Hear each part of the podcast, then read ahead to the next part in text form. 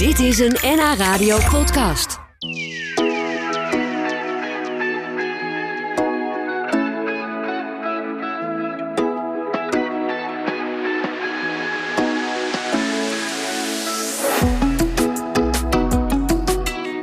De gepensioneerde Haarlemse misdaadverslag- misdaadverslaggever Bert Voskuil schreef altijd over criminelen en misdaad. Maar sinds een paar jaar schrijft hij ook over een andere grote passie van hem: de kunst. Heer Voskuil, goedemiddag. Dag. Mag ik Bert zeggen? Ja. Nou, dat is heel fijn. Eh, Bert, ehm, onlangs verscheen je boek Rare Kwasten. Ehm, ja, het is een heel bijzonder boek, maar toen ik eigenlijk bij het einde van het boek kwam, toen dacht ik, dit is wel heel bijzonder, want dit boek had er ook gewoon niet kunnen zijn. Want je schrijft over je vrouw. En dat het ook zomaar had kunnen zijn dat je hier vandaag niet had gezeten. Ja, dat klopt. Ja. Dat klopt. Mijn eh, lieve vrouw Ineke, die hier ook in de studio zit... Ja. die heeft eh, vijf jaar geleden heeft ze mijn leven gered... door mij eh, 7 minuten en 16 seconden te reanimeren... nadat ik een hartstilstand gehad had. En eh, eh, dat, eh, dat heeft mijn leven gered. En ik, iedereen bezweert me dat ik er geen schade aan heb overgehouden. Ongekend. Alhoewel ik dat zelf nog wel enigszins betwijfel. Toen dacht ik, ja, we kunnen het tussen 1 en 2 kunnen we het over het boek kunnen we het hebben. We kunnen het over je werk hebben als misdaadverslaggever. Maar toen dacht ik, we kunnen het ook een uur hebben over het belang van hoe belangrijk het is dat mensen kunnen reanimeren. Nou, dat is het, het, het, het, het eh, gunstige van eh, eh, het, toch van dramatische gebeurtenis. Ongelooflijk veel mensen in mijn omgeving... die zijn ook een cursus reanimeren eh, zijn, zijn begonnen. Ik heb eh, in diverse artikelen kunnen vertellen... ook hoe belangrijk het is. En ook op radio en eh, op tv. En dat is een bijkomend voorstel. Want je ziet dus wat het, wat het kan opleveren. Ja, ik hoorde u vorige week bij de collega's van Radio 1 ook een mooi pleidooi houden over het belang van reanimeren. Ja, Ja, ik heb ook samen met mijn zoon Koen... Ja. heb ik ook een reanimatiecursus heb ik gevolgd. Ik Ja, was want- de eerste, het eerste slachtoffer die dat deed bij mijn instructrice. en het is heel eenvoudig. Het is binnen een, een, een avond is het, eh, is het klaar. Ja. En eh, zo belangrijk. Bert Voskuil vandaag te gast uit Haarlem schreef veel over misdaad en criminelen. Ja, tot hij een paar jaar geleden een hartstilstand eh, overleefde en daarna alleen nog maar wilde doen wat hij echt leuk vond. En dat was eh, schrijven over eh kunst, hè Bert? Ja, ja. Echt, dat, leuk, echt leuke dingen. Ja, eh, ik had toen, eh, na die hartstilstand, had ik gewoon een soort ja, levenshaast. En ik wilde die leuke verhalen die ik al, al in mijn hoofd had zitten, door museumbezoek, door het lezen van, van kunstboeken, die wilde ik achter elkaar opschrijven in een nieuw boekje. Want ik was eigenlijk met een ander boek bezig Oh. over eh vervalsers in de kunst. Dat heb ik, pas daarna heb ik dat uitgebracht. Dat is meestervervalsers. En nu is weer eh, eh, een boekje Rare Kwasten. De, is, er, is eruit gekomen. Ook Ja. weer met veel anekdotes, eh, ontroerende, maar, al- maar altijd echt gebeurde verhalen. Zeg Ja, maar. Mooie, bijzondere verhalen. Ja, voor de mensen die net na één inschakelen denken... ja, waar komt die hartstilstand opeens vandaan? Dan hebben we natuurlijk voor één uur hebben we het net eventjes over gehad... dat jouw vrouw heeft je, nou eigenlijk ja, laten we zeggen... gewoon op, op- Gered. op de benen gehouden. En daardoor ben je er. En daardoor, nou, die levenslust is misschien nog wel weer extra aan, aangewakkerd. En ehm, het is niet, dat moeten we misschien ook eventjes duidelijk maken... het is niet jouw eerste boek eh, die je hebt geschreven als het gaat om de kunst. Want er waren ook een paar andere boeken, ja. Ja, dat zijn er eh, drie nu in totaal. Ja. Eh, en kun je mij eh, vertellen, want waarom spreekt die kunst jou zo aan? Wat is dat toch? Nou ja, sowieso als ik een museum inga, dan kom ik er altijd als een beter mens kom ik eruit. Zelfs al valt de expositie wat, wat, wat tegen, eh, dan, dan heb je toch weer stukken en schilderijen gezien die je ontzettend boeien. Ik merk ook dat ik, als ik in zo'n museum rondloop, dan, dan ben ik niet vermoeid. Ja. En dat slaat pas toe als ik eruit, eh, als ik eruit kom. Ik ik, dat denk dat je dat, dat, ja, dat geeft zo'n positieve impuls in mijn leven. En gelukkig ook bij mijn vrouw. Want anders dan, dan eh, ja, wij houden daar alle twee houden er erg van. Nou, dan wil ik Dus, zeggen, het is wel leuk als je er samen van kunt genieten. Ja, Ja. zeker. Ja. zeker. Eh, Ik heb dan zelf nog wel eens, Bert, dan ga ik naar een expositie en dan kijk ik er heel erg naar uit. Valt er tegen, maar dan loop je in het museum of bij een. Dan, er is altijd nog wel een overblijfsel of zo van een andere expositie. Of dat je nog weer iets de tegen. vaste collectie. Nou, een vaste collectie. Dus, Dat je denkt, nou, maar dat triggert mij toch. Ja, en, Spreek jij en dat ook aan? In het, in, het, in het Frans Hals Museum, daar ben ik misschien twintig of misschien al dertig keer ben ik daar geweest. En elke keer dat je daar, eh, daar, daar weer bent, dan zie je weer een schilderij en dan zie je weer een detail erin. En dan, dan, dan vind, je dat, eh, vind je dat toch ook weer eh, erg leuk. Ja. En mijn moeder heeft geleerd, eh, kijken doe je met je ogen. Eh, maar ik begrijp dat, dat jij hebt dat al, toen je jong was, heb je dat ook wel eens een beetje wat anders eh, Ja, maar eh, wel ter, verontschuldiging. Het was mijn allereerste museumbezoek. Ik was nog nooit in een museum geweest. Toen werd ik door school gedwongen, ik was toen 12 jaar, om naar het Prinsenhof in Delft te gaan. Dat is een museum. Mhm. Ik daar voor het eerst en mijn klasgenootjes, die waren al lang weer buiten. Want dat duffe museum, nou ja, daar, daar, daar ging je toch als weldenkende jongen eh, niet langer in verkeren.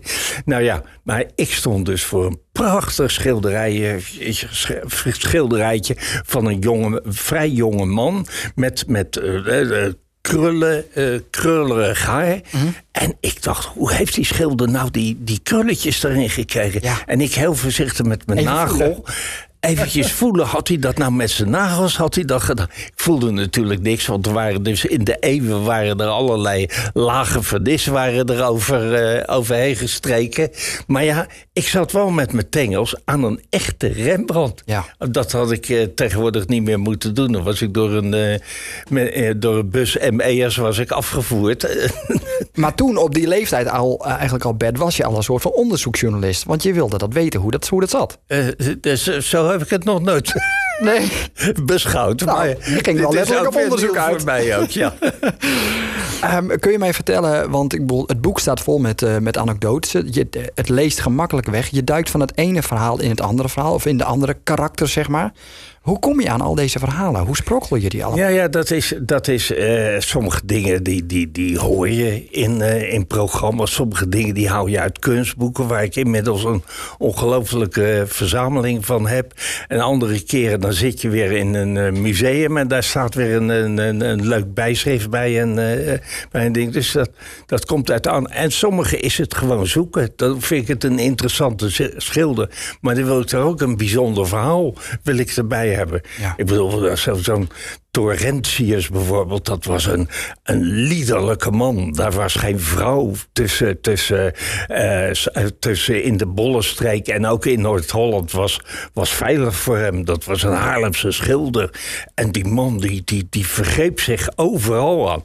Nou, dat kon de kerk natuurlijk niet, eh, niet hebben. Dus toen is die man, die is veroordeeld. Die is eerst geradbraakt en, en die, die, die heeft gevangenisstraf gehad. Een lange gevangenisstraf.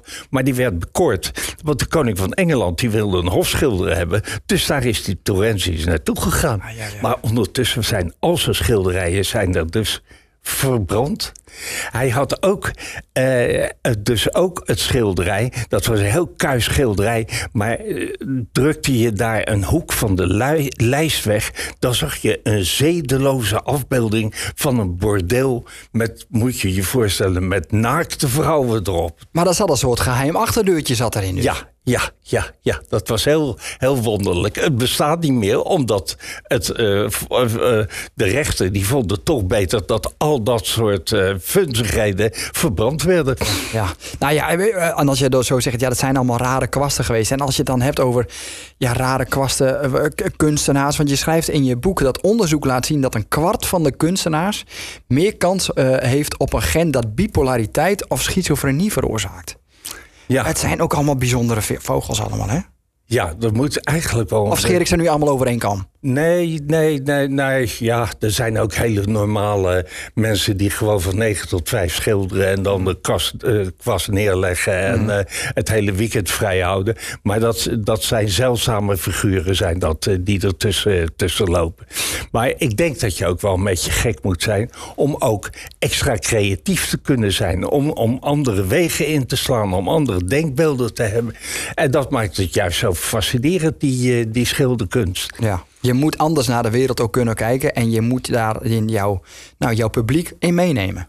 Ja, zeker. Ja. zeker. Want anders zaten we allemaal op die rode IKEA-bank... met dat prachtige schilderij van dat betraande zigeunerjongetje erbovenop. Zo, zo is het. Ehm, eh, met jouw goedkeuring eh, pik ik er graag eventjes een paar verhaaltjes uit... waarvan ik ook dacht, nou, ja, ik kende het niet. En wat is dit nou weer een bijzonder verhaal? Eh, als ik het goed uitspreek, Francis Bacon... Ja, Ehm, ja, bladzijde 9 in het boek. Nou, dat ik, ik las dat en dacht ik, ja, dit geloof je niet. Dit geloof je niet. nou, Francis Bacon Vertel die, eens. die eh, lag lekker te slapen. En opeens hoorde hij toch eh, allerlei geluiden uit zijn atelier hoorde die komen. En hij gaat daar naartoe.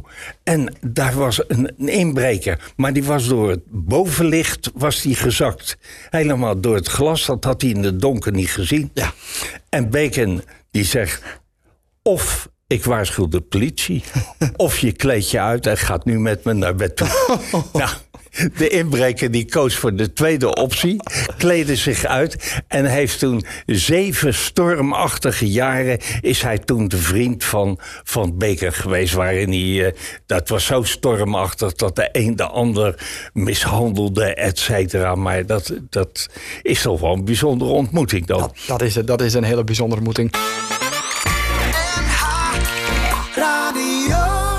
Ehm, een kle- een kleine uitstap naar begin dit jaar dat ik in eh, Malaga rondliep. En daar kwam ik in het Picasso Museum kwam ik terecht. En aan het einde van jouw boek las ik dingen over Picasso dat ik dacht...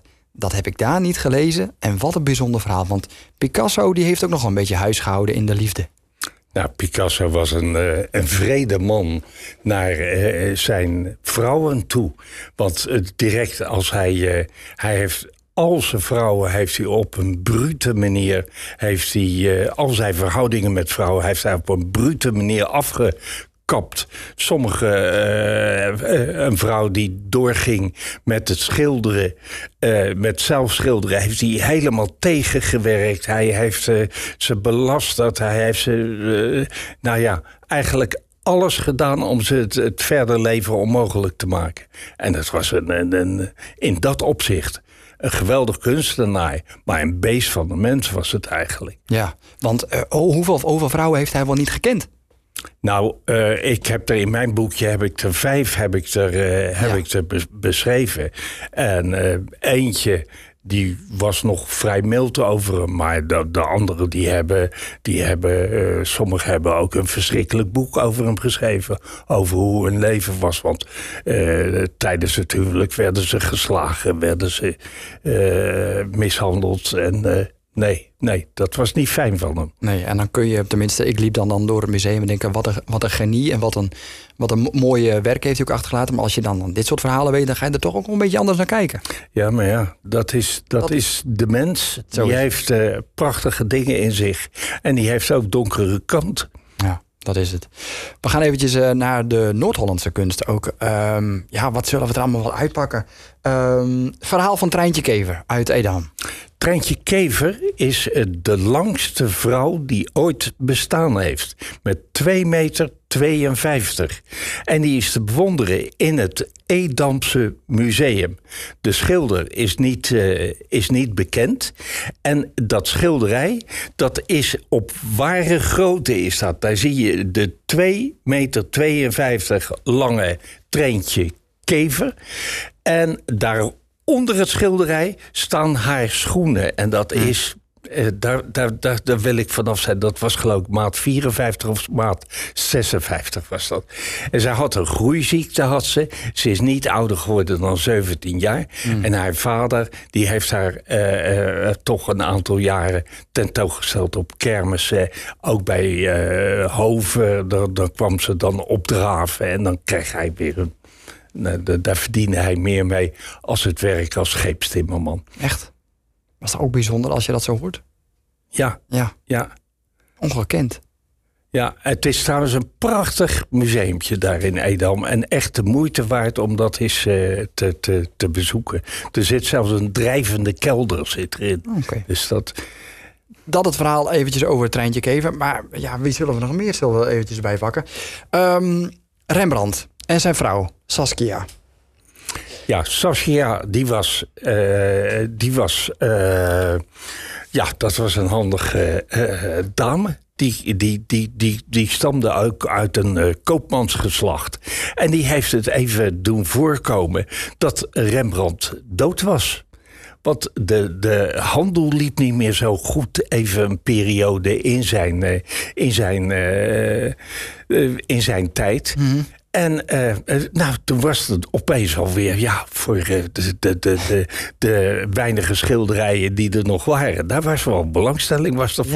En er, er is nog het verhaal bekend dat een Duitse man, die was speciaal hier naar Nederland gereden. En die zat te kijken naar een lijst. En daar was toch een bijna levensecht portret.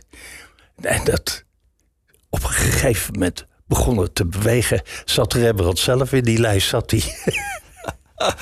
We hadden wel een verhaal weer over, eh, over Rembrandt. Ehm, zullen we nog eventjes aantikken over eh, Haarlem? Want je hebt een heel hoofdstuk heb je gewijd aan je eigen woonplaats Haarlem. Heusek eh, Schilderstad.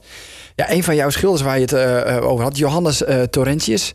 Ja, hoe, hoe zit dat verhaal nou? Eh, eh, Daar heb ik net over verteld. Ja, nee, daar heb je over verteld. Maar als je... Nou, goed. Ja, we, we kunnen toch Ja, ja, uitgebreid nou over ja, er nog? is nog wel meer over hem bekend. Want al zijn schilderijen die, die waren dus eh, waren, eh, eh, verbrand. Maar later hebben ze nog één deksel gevonden. Dat was een deksel dat zat op een, een vat met rozijnen. En daar stond een, een, prachtig schilleven. Dat is het enige schilderij wat er tot 2014 nog bekend was van Torrentius. En later is eh, een of andere wetenschapper... die is bij de Koninklijke Bibliotheek in, eh, in, eh, Den Haag gaan zoeken in de archieven. En daar vond hij nog een aquarel en een stilleventje van hem. Eentje gesigneerd met Jan van Beek. Dat was de echte naam van Torrentius. En eentje, dat stilleven, dat was nog helemaal gesigneerd met Torrentius. Dus er zijn nou drie schilderijen van eh Torrentius zijn er bekend weer. En wat maakt dan zeg maar dat, dat Haarlem nou echt zo'n zo'n schilderstad is? Nou, het was natuurlijk een rijke stad. En eh, de, de, de, de schilders die verzamelden zich waar eh, de klanten waren. En dat, eh, dat dus eh, Leiden, Amsterdam, dat zijn ook schildersteden zijn dat, zijn dat geweest. Ja. Ehm, we hebben komend weekend staat Noord-Holland nogal flink in het teken van een heel groot evenement. Kunnen we eigenlijk misschien niet omheen. De Formule 1.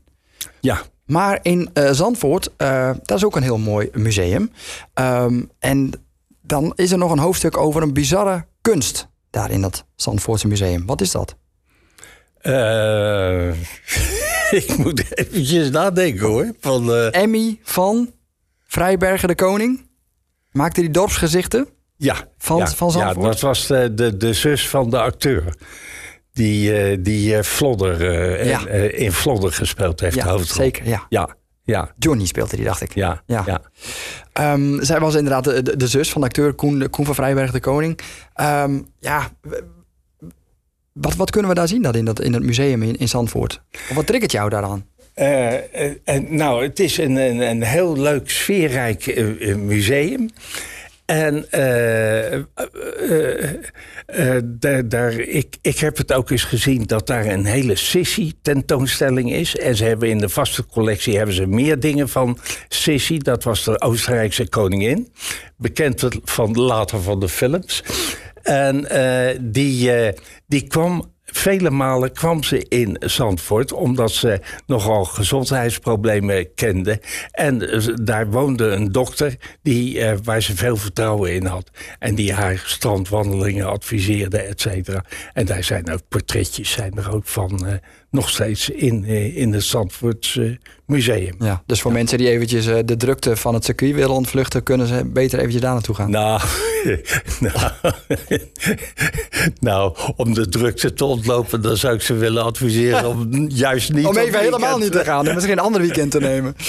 Dat is misschien beter. Ik vraag me ook af of het museum wel open is. Want ik, ik denk niet dat er veel overloop van het circuit naar het museum eh, is. Ja, zo is het. Ehm, Bert Voskal, dankjewel dat je hier eh, te gast was. Eh, ik heb met eh, genoegen de anekdotes gelezen uit je boek Rare Kwasten. Ik heb hier dus twee exemplaren liggen voor wie dat wil. Stuur eventjes een mailtje naar lunchroom.nhradio.nl of stuur eventjes een appje via 088 850 51 52.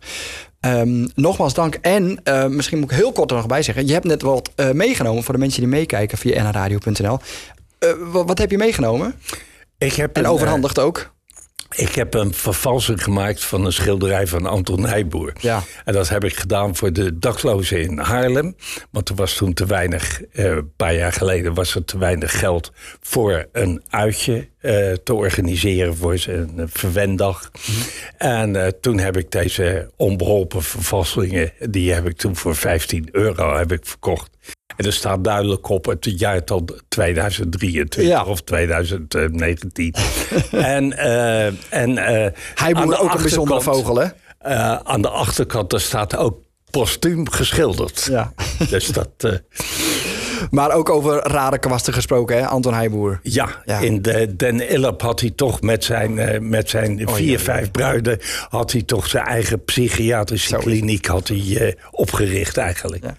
Nogmaals dank dat je hier te gast was. Bert Voskuil van het boek Rare Kwasten. En graag tot de volgende keer. Dit was een NH Radio podcast. Voor meer, ga naar nhradio.nl. Radio.